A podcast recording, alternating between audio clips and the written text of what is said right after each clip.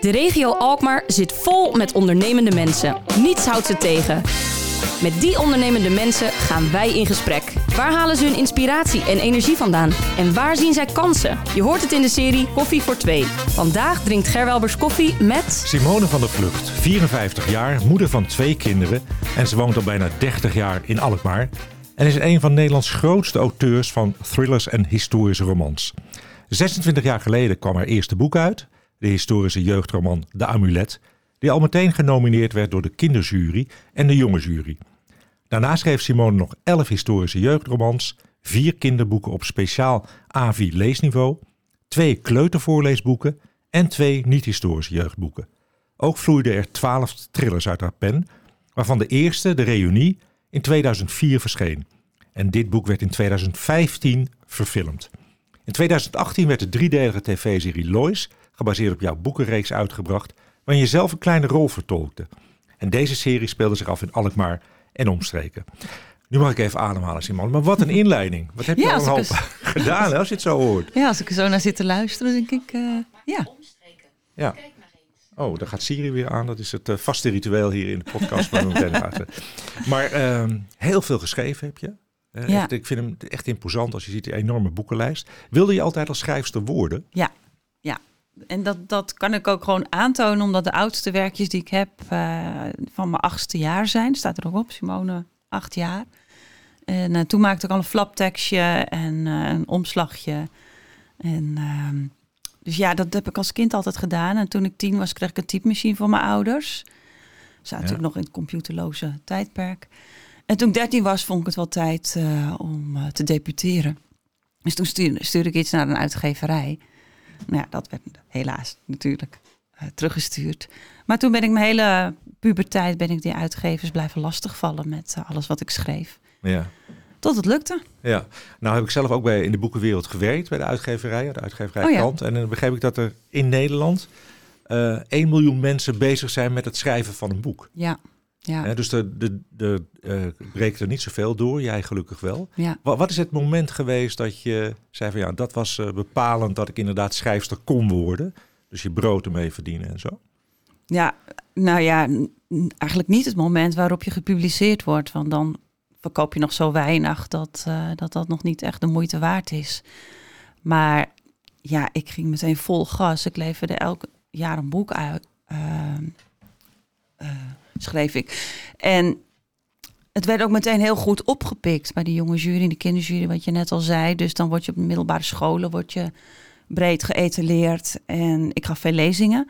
Dus ik gaf twee dagen in de week ging naar middelbare scholen. En eh, dan vertelde ik over mijn werk. Nou, daar verdiende je dan ook weer wat mee.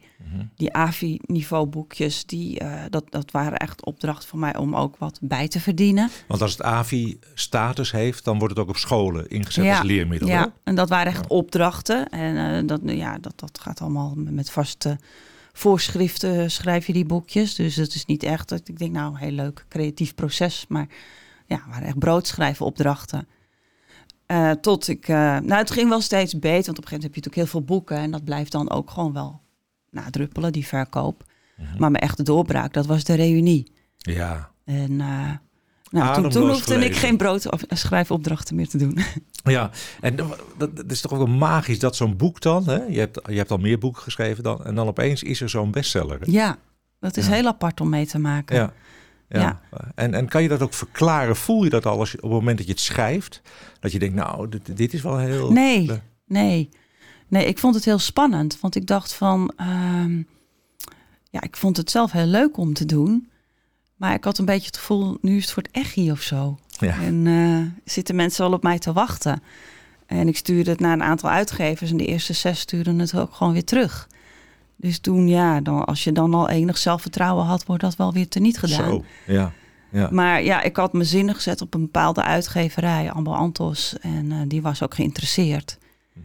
En ja, de rest is history. Maar waar sloegen die op aan? Je zegt, zes stuurden het al terug. Ja. En deze, die zeiden van, hey, Hier zien we wel wat in. Nou, het was een hele goede timing. Het was eh, het begin van eh, thrillers voor vrouwen, zeg maar. Die waren er nog niet zoveel. En zij gaven Nicky French uit. oh ja. En ja. ze hadden toen net de eerste Saskia Noord uitgegeven die het heel goed deed. En uh, toen leverde ik dat boek in en daar herkenden ze zich in. En Ja. daarom wilde ik ook bij hun, omdat ik me ook in hun, eh, in hun werk eh, herkende. Nou, ik heb het destijds ook gelezen. Ik vond het plot heel erg verrassend, heel erg goed. Eh 2004 kwam het uit en uiteindelijk in Ja. 2015 is het verfilmd. Hè? Ja. Eh, Waarom zat daar zoveel tijd tussen? Ja, dat weet ik niet. Geen idee. ja, geld denk ik. Dat is, Ja. ja. ja, dat is altijd heel duur om films te maken. En, Mhm. eh, er zijn ook wel meer aanbiedingen geweest. Er zijn ook nog veel meer gesprekken geweest voor andere verfilmingen. Maar ik ga ook niet met iedereen in zee. Dus eh, je, moet ook met een goed plan komen en, eh, en het goed uitvoeren. En niet Waarom te- was dit een goed plan voor de reunie? Ehm, nou, dat voert heel ver, want dan moet ik de hele verhaallijn gaan vertellen en hoe het script eruit zag. En dan zijn we over twintig minuten klaar en dan was dat het interview. We Dus ik denk dat dat een beetje gehad. jammer Ja, is. precies. Ja. Het Maar het, het, het klopte gewoon in alles. Ja, nou, het was ook gewoon wel de eerste echte serieuze eh, speler, zeg maar. En het is natuurlijk ook heel eervol dat je boek wordt verfilmd. Dus ja. Ja. En nu ligt er weer een nieuw boek. Ja? Dat eh, is net uitgekomen, 1 november. ja De Zonde Waard. Vertel, waar gaat het over? Even een slokje thee. Ehm, nou, het is een thriller, een hele snelle actietriller over een vrouw die, eh, als ze in Frankrijk is, een mei- klein meisje op de achterbank ziet liggen en haar herkent als een vermist meisje en dan met haar eh er vandoor gaat. Maar haar achtergrond is Jehovah-getuige. En eh, dat is een beetje de reden dat ik dat boek ben gaan schrijven, omdat dat op waarheid berust. Eh, de beste vriendin van mijn eh, dochter, Soraya heet ze, die heeft zelf het Jehovah-getuigen geloof verlaten op haar zeventiende. En die is toen verstoten door haar ouders, door haar hele familie, door haar hele vriendenkring. En ja, dan kom je dus op je 17e, 18, 18e kom je helemaal alleen te staan.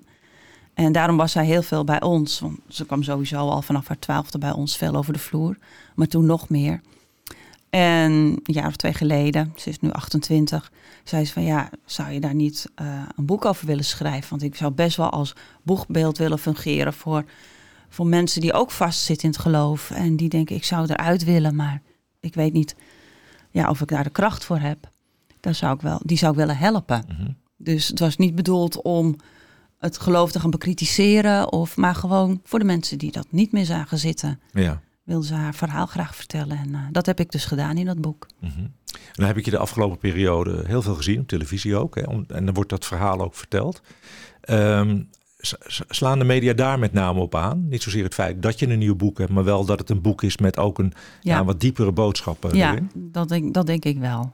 Ja, Ja. dat denk ik wel. Want je kan een interview krijgen over je thriller, maar dat is een heel kort interview, want dan verraad je alles. Dus dat, ja, dat, dat heeft niet zoveel zin. Mhm. En de afgelopen 15 jaar heb ik genoeg eh, interviews gehad over hoe ik werk. En dus dat is ook voor de meeste tijdschriften en kranten niet echt meer nieuws. Dus ja, dan is zo'n ehm, zo'n achtergrondverhaal is natuurlijk een heel goed haakje om eh, over te praten. Ja, Ja. zeker. Je, hebt, eh, of je bent geboren in Hoorn, Ja. maar woont al bijna 30 jaar in Alkmaar. Ja. Wat bracht je naar Alkmaar? Nou, mijn ouders, die komen hier vandaan.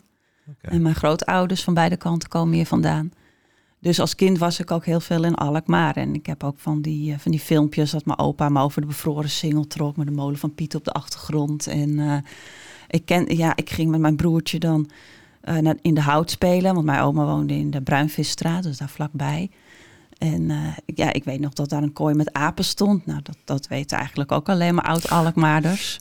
Ja. Dus ik voel me net zo Alkmaars als Horens, zeg maar. En nu woon ik veel langer in Alkmaar dan ik ooit in Horen heb gewoond. Dat Ja. was maar twaalf jaar.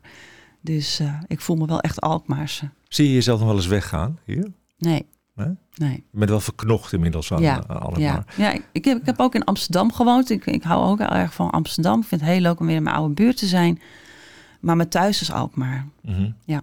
Mooi om te horen. Je kiest Alkmaar ook regelmatig als decor hè, voor je verhalen. Ja, Ja, wat, wat trekt jou zo eh, daarin aan? Of, of is Alkmaar ook inspirerend op dat punt? Ja, natuurlijk, want je woont er, dus eh, je ziet van alles en eh, je hebt gewoon, ja, ik heb gewoon interesse in de geschiedenis van mijn stad. En je leert mensen kennen die er veel van af weten en dat, dat prikkelt je verbeelding ook. Ik ben bijvoorbeeld goed bevriend met Nancy de Jong, die stadsarcheoloog is, en Peter Bitter. Ja, die kunnen natuurlijk geweldig vertellen. Dus Ja. eh, dat, eh, dat helpt wel. En is dat ook de inspiratie geweest voor, voor Lois, de serie die is opgenomen in Alkmaar? Uh, nou nee, want dat is gewoon recherche. Maar dat was gewoon ook praktisch. Ik had gewoon elke stad kunnen nemen. Ik had ook Amsterdam kunnen nemen. Maar ja, al die trillers die, met rechercheurs, die zitten allemaal in Amsterdam. Laat ik gewoon eens lekker Alkmaar nemen. Ja. En het is ook handig, want je moet steeds ja, um, straten noemen, uh, plaatsen, locaties. Als ik dan Roermond neem, dan moet ik daar de hele tijd naartoe. maar nu, kan ik het, nu, nu, weet ik het gewoon. Ja. Dus, en ik had een uh, mailtje gestuurd naar, uh, naar politie Noord-Holland-Noord... met vragen of er een regisseur was die mij wilde helpen. Want ik zeg, hij moet het wel heel leuk vinden. Hij zei, want ja, ik ga drie boeken schrijven over haar... dus je zit wel even aan me vast. Ja. En toen vonden de beide teamchefs van uh, zware criminaliteit, moordzaken... die vonden het heel erg leuk om mij daarbij te helpen... Dus ik heb, ben uh, drie jaar onder hun uh, hoede geweest. Wat leuk. Ja, en heb daardoor het recherchevak ook goed leren kennen. Ja. En ben je dan ook daarna betrokken bij de, bij de hele opname? ja. Van zoals, ja. Nou, nee, niet echt betrokken. Ik ging gewoon wel kijken. Ja. Maar je moet andere mensen ook wel hun artistieke vrijheid geven. En die zitten er echt helemaal niet op te wachten. Dat zo'n schrijfster er dan de hele tijd bij komt gluren en op hun vingers gaat kijken. Want er zijn natuurlijk toch wel dingen die anders zijn dan in het boek.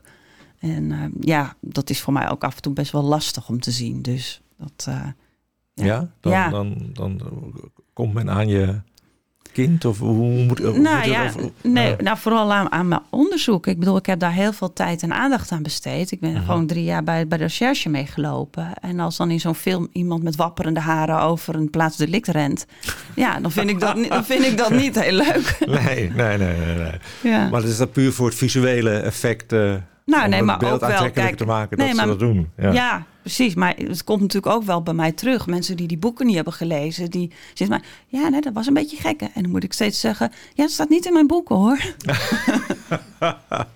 ja, mooi is dat. Ja. Hey, je schrijft niet alleen boeken voor volwassenen, hè, maar ook voor de jeugd. Ja, dat deed ik. Daar ben ik natuurlijk mee begonnen. Ja, maar, maar niet meer inmiddels. Nee. Uh, waarom vond je dat destijds uh, zo belangrijk? Um, nou, het, het, het was eigenlijk een beetje toevallig omdat ik, uh, ik was heel erg fan vroeger van uh, Thea Beckman in, uh, in mijn puberteit. En ik had ook zo'n verhaal bedacht over een meisje dat moest ontkomen aan brandstapel. Vanwege heksenvervolging. En dat had ik op mijn veertiende geschreven en naar een uitgever gestuurd. En nou, dat werd weer afgewezen. Maar tien jaar later, toen dacht ik van, nou, ik vind dat eigenlijk nog steeds wel een leuk onderwerp. Dus toen ben ik me daar heel erg in gaan verdiepen. En ja, het ging over een jong meisje van een jaar of twaalf en ik was nog heel erg beïnvloed door Thea Beckman. En ik deed een lerarenopleiding. Dus ja, ik, ik kwam vanzelf in die hoek terecht. En mm nou, het boek werd een succes. En dan ga je er nog eens schrijven. Maar het is nooit een vooropzet plan voor mij geweest om echt voor die kant te kiezen. Alleen, ja, daar, daar zat ik in en dat was een succes. Ja. Maar naarmate ik wat ouder werd, ging het ook een beetje wringen. Want dan wil je ook meer van jezelf in die boeken leggen. En je moet altijd rekening houden met dat je jongste doelgroep 12 is. Dus ja, dat beperkt ook wel heel erg. En dat mhm. wilde ik niet mijn hele leven gaan doen. Dus toen wilde ik overstappen naar historische romans voor volwassenen. Dus ik had er een geschreven en opgestuurd. Dat wees echt iedereen af. Iedereen. Heb je er enige verklaring voor? Nou ja, er stond natuurlijk wel verklaringen in die brieven. En ja? zeiden van ja, het is echt een mooi verhaal, maar er is geen markt voor historische romans. En ik zat dat, zag dat toch echt anders. Ja. Want ik kreeg, als ik signeerde met mijn jeugdromans, kreeg ik de leeftijd 11 tot 90 aan mijn tafel. En die mensen zeiden van ja, we vinden dit zo leuk, maar er is niet zoveel. Misschien mhm. wel in de hogere literatuur en zo, maar gewoon lekkere verhalen. Het was er gewoon niet. En toen had ik een idee uh, in mijn hoofd voor een, uh, nou niet per se voor een thriller, maar iets autobiografisch, waar ik ook al heel lang iets over wilde doen. Ik dacht misschien een jeugdroman, dat, dat, dat werkte niet. Ik, ik wist niet wat voor vorm het was. Het ging een beetje over mezelf, verpesten op school en pesten op de werkvloer. En toen las ik die eerste Nicky French en dat was een psychologische thriller. En ik denk, nou, en ik hou heel erg van spannende boeken, maar ik vind het ook heel fijn als er nog een verhaal achter zit. Dat het nog wat meer bodem heeft. Mm Dus ik dacht, ja, dat ga ik doen. Dat ga ik doen. Ik weet helemaal niet of ik thriller kan schrijven, maar ik ga het gewoon proberen. En uh, nou, zo kwam ik uh, dus uh, op het trillerpad. Ja. Nou, dat was een groot succes. Ik denk, mhm. dat is mooi. Ik had een contract voor drie boeken. Ik denk, als ik die drie boeken heb geschreven, dan kom ik weer met die historische roman. Ja, maar zo is het niet gegaan. Ja, zo is het wel gegaan. Oh, ik dacht, je, je, je hebt drie boeken geschreven. Nee, ik En schreef toen, eh, De Reunie Ja. en uh, Schaduwzuster en Het Laatste Offer. Ja. En toen, eh, toen kwam de historische roman. Oh. En Blauw Water, hoe, is- hoe is- dat Ja, nou vandaar ja. nou? Ik ging het toen schrijven, het was nog niet meteen af, bedoel ik. Oké. Oké. dus eh, ja, ik, ik werk altijd een beetje door elkaar. ja. En ehm, nou ja, ook dat boek werd een heel groot succes, Jacoba, dochter van Holland. Ja. En toen was mijn uitgever wel geïnteresseerd. En uiteindelijk is de historische roman nu zo populair aan het worden. Dat alle uitgevers eh, een fondslijn hebben opgericht met historische romans. En ja, dat vind ik gewoon echt te gek. Dat, dat, toch, eh, dat Ja. ze toch eh, de Wie- markt wel ontdekt hebben. van wie lees jij graag werk? Van welke auteur? Ehm, even kijken. Suzanne Wouda vind ik heel erg goed. Ook als we het over het historische hebben. Arthur Japin lees ik heel graag. Eh, ik heb Het Woud en Verwachting van Hella Hazen heb ik wel echt vijf keer gelezen. Maar dat is dus wel vrij breed Ja. wat, eh, wat ik Ja. lees. Ja. Je hebt 45 boeken geschreven, tot nu toe. ja, zoiets. Hoe ziet het, eh, het dagritme van een schrijfster eruit? Want 45 vind ik waanzinnig veel. Ja, in 26 jaar tijd. Ja, is, Maar ja, die AVI, maar die. AVI-niveau boekjes, daar deed ik drie weken over. Hè. Dat, eh, Mhm. dat moet je ook wel een beetje bedenken. Maar goed, daarna zit ook wel hele dikke boeken bij. Dus ja. Maar ben jij iemand die 's morgens gaat zitten en zegt, nou, ik, ik schrijf van 9 tot 12 en Ja. dan eh, voor de rest van de dag niet? Of zeg je, als ik er eenmaal in zit, dan kan ik ook rustig drie dagen achter elkaar door eh, tikken? nou, drie dagen, wel, wel drie weken. Maar ehm, ja, ik begin altijd rustig, want je bent nog aan het onderzoeken met je verhaal. Je moet er nog inkomen. En dan werk ik altijd s'morgens. Want ik ga ook niet eens huishouden doen of mijn mail. Ik ga ik zorgen dat alle frisse energie recht in dat boek gaat. En de rest komt later. En langzaam groeien in dat boek. En ja, het- je krijgt op een gegeven moment een situatie... waarin je hoofdpersonen bijna net zo belangrijk zijn... als je eigen vrienden en familie. Ze leven voor jou. En Ja. ze beginnen de hele tijd tegen je aan te praten. En elke keer denk ik... oh, maar dat is heel mooi wat ze nu zeggen. Even opschrijven. Dus dan zit je smiddags gewoon weer te werken. Ja. En zit je ook s'nachts in je bed zit je gewoon nog wel eens te werken. Dus ja, maar dat zijn wel de beste stukken. Want dan kom je in zo'n tunnel Mhm. waarin je echt in je boek zit. En dat heb je ook nodig. Want als jij het boek begint, dan eh, weet je dan al hoe het eindigt? Of, of is dat een dynamisch proces gaandeweg het schrijven, dat er zich Dat- een plot ontwikkelt? En, Nee, dat, ja, het is wel een dynamisch proces. Maar zeker voor mijn thrillers bedenk ik eerst mijn plot. Mhm. Want ik heb dat één keer niet gedaan. En toen moest ik het hele boek herschrijven. Omdat ik toen aan het eind van het boek opeens iets had bedacht. En ja, dan klopte de hele rest niet meer. Dat vond ik niet efficiënt. dus ik denk, laat ik nou eerst dat plot bedenken. En ik ga gewoon niet eerder beginnen. En het, het, het is gewoon ook logisch. Want hoe kun je rookgordijntjes aanleggen? Hoe kun je Ja. Lezer een beetje in het ootje nemen? Of verwachtingen wekken? Als je zelf geen idee hebt. Ja. Hoe doe je dat? Ja. Dat- ja, dat is, eh, ik snap hem. Ja, ja. Ja. En heb jij, dan, heb jij dan een speciale werkkamer waar je zit? Met uitzicht op de tuin? Of, of, of waar, waar, waar werk je? Heb je een vaste plek waar je werkt? Of zeg nou, ik kan ook aan de keukentafel gaan zitten? En, eh, Eh, nou, ik, ik, werk, ik had vroeger wel een werkkamer toen mijn kinderen nog thuis waren. En, maar nu heb ik het hele huis tot mijn beschikking. Dus zit ik gewoon lekker beneden met de hond aan mijn voeten. En ja, ik heb eh, hypermobiliteit. eh, dus ik heb eh, gewrichtsproblemen. Dus ik kan niet aan een bureau zitten achter een computer. mhm. Ik moet, zeker in mijn nek, moet ik altijd heel goed gesteund houden en ontspannen houden.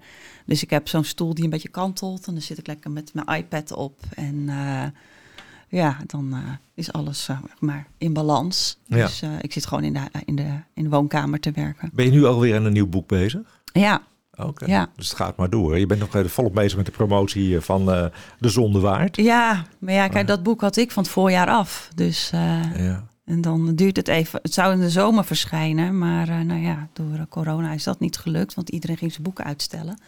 Dus nu is het wat later verschenen. En ik heb natuurlijk niet stilgezeten. Of eigenlijk juist wel. ja. En bel je de uitgever dan iedere dag van hoe staat het met de verkoop? Of is dat, doe je dat alleen met de eerste twintig boeken? Nee, dat, dat doe je wel, maar dat heeft niet zoveel zin. Want je weet pas hoe de verkoop gaat als, eh, als er nabestellingen komen in de boekhandels. Dus dat duurt altijd even. En als je een hele grote oplage hebt, dan duurt dat dus ook even. Maar je ziet het wel aan, eh, aan eh, ja, je, je positie in de bestseller 60 en in de rijtjes bij de boekhandels zie je dat het goed gaat. Maar je weet een tijdje niet hoe goed. Mhm. Als jij een boekhandel inloopt, dan leg je jouw boek dan ook altijd even net even Ja. recht. Ja, dat, Ja. ja, dat snap ik. Ja, of ik zet hem op één. En Ja. niet alleen in Alkmaar, hè? Maar... Nee, overal. Oké.